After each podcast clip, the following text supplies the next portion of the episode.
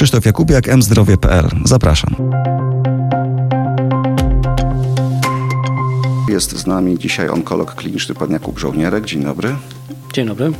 Dzień dobry panie doktorze. Spotykamy się, żeby prześledzić ścieżkę pacjenta onkologicznego, siłą rzeczy faceta, bo mówimy dzisiaj o najpopularniejszym e, nowotworze, czyli o nowotworze gruczołu-krokowego, albo inaczej zwanym raku prostaty. E, zacznijmy od początku. Powiedzmy, że jesteśmy w momencie, kiedy mężczyzna dowiaduje się, że ma raka prostaty. Jak go leczymy? Rzeczywiście rak gruczołu krokowego jest nie może nie tyle najpopularniejszym, bo trudno ten termin zastosować do groźnej czy zagrażającej życiu e, pacjenta i jego zdrowiu choroby. E, jest najczęstszym nowotworem wśród mężczyzn i w zasadzie ta liczba zachorowań systematycznie rośnie od takiej rejestrowanej i w kontekście publikowanych danych statystycznych dla Polski między 16 a 17 tysięcy nowych zachorowań rocznie do prognozowanych już na teraz bądź zaraz 20, 20 paru tysięcy nowych e, zachorowań. Więc rzeczywiście jest to istotny problem, a ścieżka takiego pacjenta już po rozpoznaniu raka gruczołu krokowego zaczyna się tak naprawdę od e, ustalenia stopnia zaawansowania choroby nowotworowej. No i zacznijmy od momentu, kiedy, znaczy od takiego przypadku, kiedy stopień zaawansowania jest niski, znaczy nie ma przyrzutów. Tak jest. No to oczywiście, jeżeli jest to mężczyzna, e, no powiedzmy w wieku typowo już e, dojrzałym czy zaawansowanym, ale jeszcze e, w wieku, który pozwala na zniesienie obciążenia, które generuje leczenie o założeniu radykalnym, a więc takie leczenie, którego intencją jest całkowite wyleczenie chorego z choroby no to rozważamy po pierwsze leczenie operacyjne, a więc wycięcie y, gruczołu krokowego z nowotworem. Względnie, jeżeli jest to choroba nieco bardziej zaawansowana, bądź istnieją przeciwwskazania do zabiegu operacyjnego, bądź chory kategorycznie stwierdza, że zabiegowi operacyjnemu nie chce się poddać, myślimy o napromieniowaniu, czyli o radioterapii, o założeniu radykalnym, a więc w schemacie z podaniem dawki wystarczająco wysokiej, aby to y, ten guz zniszczyć. No i teraz w Polsce mniej więcej 6,5 tysiąca rocznie prostatektomii, mniej więcej 9 tysięcy pacjentów leczonych radioterapią. Kończy się ta y, radykalna terapia i co dalej? No, tutaj jeszcze należy y, wspomnieć o tym, że u chorych z nieco bardziej zaawansowaną chorobą nowotworową do tej radioterapii o założeniu radykalnym czasem dodajemy hormonoterapię tak zwaną uzupełniającą. Trwa ona 6 miesięcy, względnie rok do 3 lat jeżeli są to guzy już czy to bardziej agresywne, czy histologicznie, bo tutaj mówiąc o zaawansowaniu y, nie powinniśmy również y, pominąć informacji dotyczącej stopnia złośliwości guza, bo on też nam dywersyfikuje, różnicuje y, ścieżkę, po której później pacjent, którą później pacjent przebywa.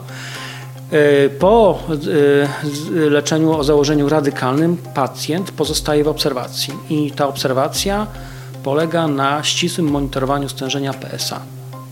E, PSA e, to jest e, skrót od angielskiego terminu Prostate Specific, Specific Antigen, czyli to jest białko specyficzne dla prostaty. Ale... No i kiedy ten poziom tego białka rośnie, zaczynamy się niepokoić, tak? No tak, bo jeżeli rośnie stężenie tego białka w surowicy krwi, jesteśmy prostym badaniem z pobraniem niewielkiej ilości krwi weryfikować, no budzi to niepokój tego, że tej tkanki e, gruczołowej prostaty e, przybywa. Natomiast e, u pacjenta po leczeniu operacyjnym teoretycznie nie powinno być komórek, które PSA produkują, a więc to stężenie PSA po resekcji, czyli po wycięciu prostaty z guzem powinno spaść do, no, do zera, czy do wartości trudno wykrywalnych.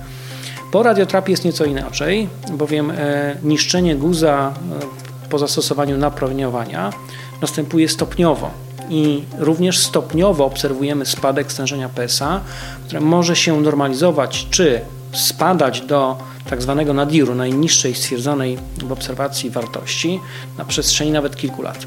A więc to ścisłe monitorowanie pacjenta na początku bezwzględnie co 3 miesiące jest bardzo istotne. Po radykalnej prostatektomii po to, żeby zobaczyć, czy rzeczywiście ono się trzyma przy gdzieś tam granicy zera, niziutko. Po radioterapii na początku po to, żeby zobaczyć do jakiego poziomu to stężenie spadnie, bowiem po operacji e, ta norma stężenia PSA nie powinna przekraczać e, 0,2 nanograma na mililitr, 0,1 nanograma na mililitr. Natomiast po E, radio, e, po radioterapii. E, Norma dla pacjenta jest zawsze indywidualna, a mianowicie określamy ją na podstawie e, e, najniższego stężenia PSA po naświetlaniu, które się stwierdza w obserwacji, dodając do tego dwa pełne nanograma. Więc jeżeli u pacjenta stężenie PSA spadnie do wartości, no, załóżmy 0,5 nanogram, y, 0,5 nanograma na mililitr, to jego norma y, poniżej której nie przejmujemy się i w zasadzie nie stwierdzamy jakiegoś zagrożenia nawrotem choroby nowotworowej, to jest 2,5. No i teraz jest sy- sytuacja taka, że niestety ta część pacjentów, y, u, u części pacjentów pojawiają się przerzuty. Co, co wtedy się dzieje? No, wszystko zależy od tego, gdzie te przerzuty się pojawiają. Yy, No, generalnie, jeżeli mamy do czynienia z rozsiewem choroby nowotworowej, no to przede wszystkim jest to miejsce dla leczenia systemowego. Czyli lekami. Otóż to, a więc leczenia, które działa na cały organizm, e, względnie jeżeli jest to e, e, takie zlokalizowanie przerzutu, które generuje dolegliwości, na przykład silne dolegliwości bólowe, albo stwarza ryzyko i zagrożenie złamaniem kości na przykład. Możemy rozważyć również napromieniowanie takiego ogniska, bo daje to dobry efekt przeciwbólowy. Raz, dwa, niszczy guz e, w zupełnie innym mechanizmie, zapobiegając na przykład powikłaniom miejscowym, ale również temu, aby ten guz przerzutowy nie dawał wtórnych przerzutów, bo to też trzeba brać pod uwagę. Ale generalnie myślimy o leczeniu y, systemowym i to jest y, w zasadzie y, podstawa naszego postępowania. No i jak to wtedy wygląda, jeżeli chodzi o leczenie systemowe? Są różne rodzaje terapii, Otóż różne to rodzaje choroby. Tak, generalnie leczenie to opiera się na tak zwanej hormonoterapii. E, Polega to na, na tym, że podajemy leki, które mm, farmakologicznie mm, powodują e, spadek e, produkcji testosteronu, męskiego e, hormonu płciowego w jądrach, w gonadach. Bowiem testosteron jest tak naprawdę czynnikiem wzrostu napędzającym komórki raka prostaty do wzrostu. A więc zabranie tego testosteronu z surowicy krwi sprawia, że na tym początkowym etapie większość, ogromna większość komórek e, raka prostaty obumiera. Ona bez tego czynnika wzrostu nie jest w stanie przeżyć. Istnieje druga populacja, tak modelowo, jeśli chcieć to przedstawić, nieco mniej liczna, która lubi testosteron, ale nie musi go mieć, a więc ona, y, jej wzrost zostanie zatrzymany, chociaż komórki przetrwają. No i najmniejsza na początku populacja to jest y, populacja komórek niewrażliwych na kastrację.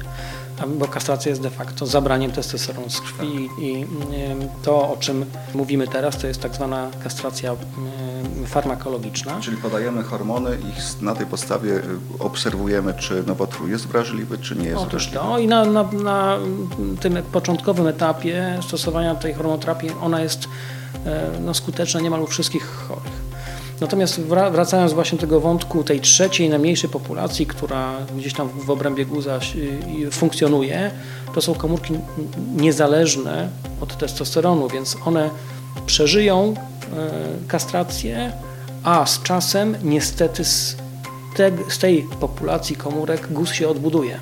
On może nawet być w tej samej lokalizacji, bądź dać już przerzuty e, wtórne, ale on będzie biologicznie odrębny. I jeżeli pomimo stosowania hormonoterapii, a więc kastracji farmakologicznej, no bo trzeba wspomnieć o tym, że jeszcze istnieje możliwość kastracji chirurgicznej, na tą niestety, no niestety, bądź niestety, część, y, ogromna część mężczyzn się nie godzi ze z przyczyn takich no, czy, czysto emocjonalnych. To o tym nie mówmy, bo to boli. To mówmy o... tak jest.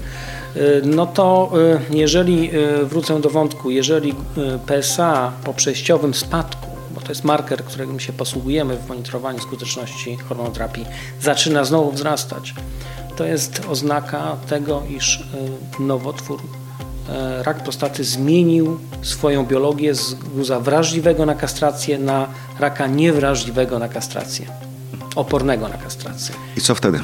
No wtedy e, w, stosujemy różne sposoby postępowania.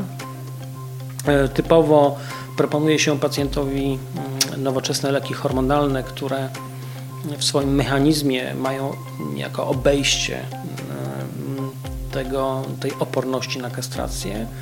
Jest to albo osanabirateronu, albo enzalutamid.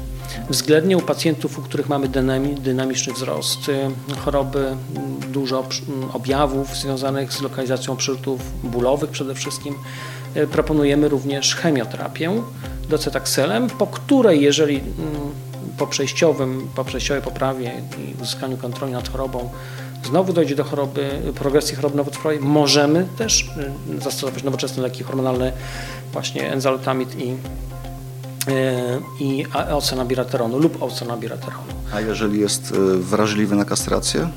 No właśnie, bo teraz mówimy o pewnym takim utrwalonym schemacie postępowania w warunkach polskich, który wynika tak naprawdę z warunków refundacyjnych, bowiem NFZ kosztowne terapie refunduje tam, gdzie uzna, że jest to opłacalne z punktu widzenia korzyści klinicznych, ale również rachunku farmakoekonomicznego.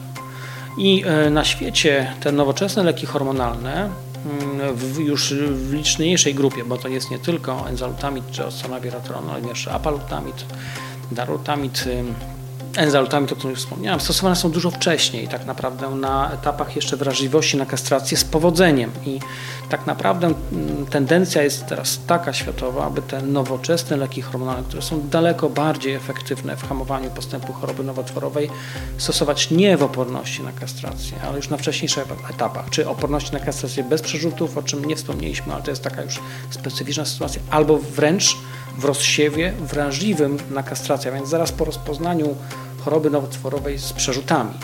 Toczą się badania kliniczne z wykorzystaniem tych leków jeszcze wcześniej, a więc tam, gdzie mamy do czynienia z chorobą ograniczoną do kurczu krokowego i jest to pewien naturalny proces weryfikowania nowych leków w historii naturalnej choroby. Zaczyna się od tych pacjentów, którzy wykorzystali już standardowe opcje terapeutyczne i coś nowego podaje się im na końcu tej sekwencji terapeutycznej, żeby sprawdzić, czy są jakieś korzyści. Jeżeli tak, przenosi się to stopniowo na wcześniejsze etapy terapii i tak jest również w przypadku tych nowoczesnych leków hormonalnych. Czyli gdyby podsumować e, tę dostępność leków e, w zależności od tych różnych możliwości rozwoju choroby, to gdzie są, że tak powiem, potrzeby, gdzie są rezerwy dzisiaj? E, potrzeby są w zasadzie na każdym etapie, mm, z tym, że e, ten etap e, miejscowego zaawansowania choroby nowotworowej to jeszcze jest etap badań klinicznych, ale rozsiew we wrażliwości na kastrację to już jest gorąca potrzeba.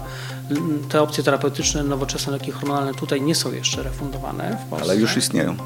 Oczywiście i one są zalecane przez Międzynarodowe Towarzystwa Naukowe i wszelkie wytyczne terapeutyczne uwzględniają ich miejsce i wagę, rolę na tym etapie choroby. Są potrzebne w oporności na kastrację tam, gdzie jeszcze przerzutów nie widać, to jest ta specyficzna sytuacja, ale już są refundowane w warunkach polskich.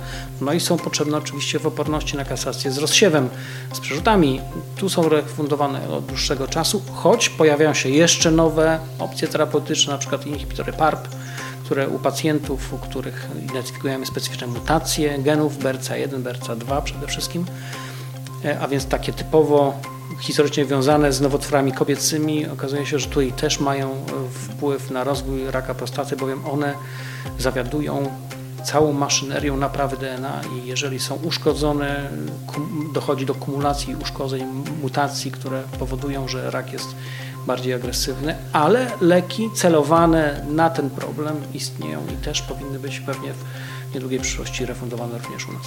To ostatnie pytanie czy na tym bardzo wczesnym etapie choroby, powiedzmy w momencie, kiedy ktoś ma stwierdzony e, nowotwór i e, została u niego wykonana prostatyktomia bez przerzutów, czy wtedy można zrobić jakieś badania genetyczne, które przewi przewidzą, czy za 3, czy za 5, czy za 10 lat rozwinie się u niego choroba, czy będzie hormonozależna? No to tak prosto nie działa niestety. Na przykład ma... BRCA1 albo coś takiego. Yy, współcześnie yy, yy, współcześnie obowiązujące zalecenia mówią o tym, że na pewno warto taką, takie badania mm, molekularne w kierunku identyfikacji uszkodzeń w genach naprawy DNA wykonywać u pacjentów z opornością na kastrację i rozsiewem.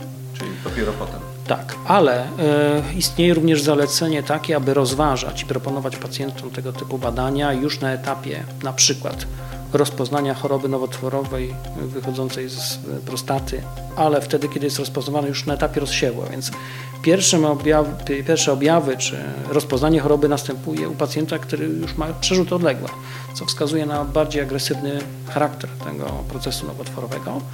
I u pacjentów, u których w wywiadzie rodzinnym występują zachorowania na liczne zachorowania na raka prostaty u bliskich krewnych albo na nowotwory zależne od mutacji tych berca. Myślę, że bardzo wy- wyczerpująco opowiedzieliśmy, jakie są różne możliwości, różne możliwości i różne opcje do, dostępne bądź w najbliższych czasach dostępne do e, leczenia nowotworu e, gruczołu krokowego. Gościem dzisiejszej audycji był. Jakub Rzemierek, onkolog kliniczny. Dziękuję. Bardzo dziękuję.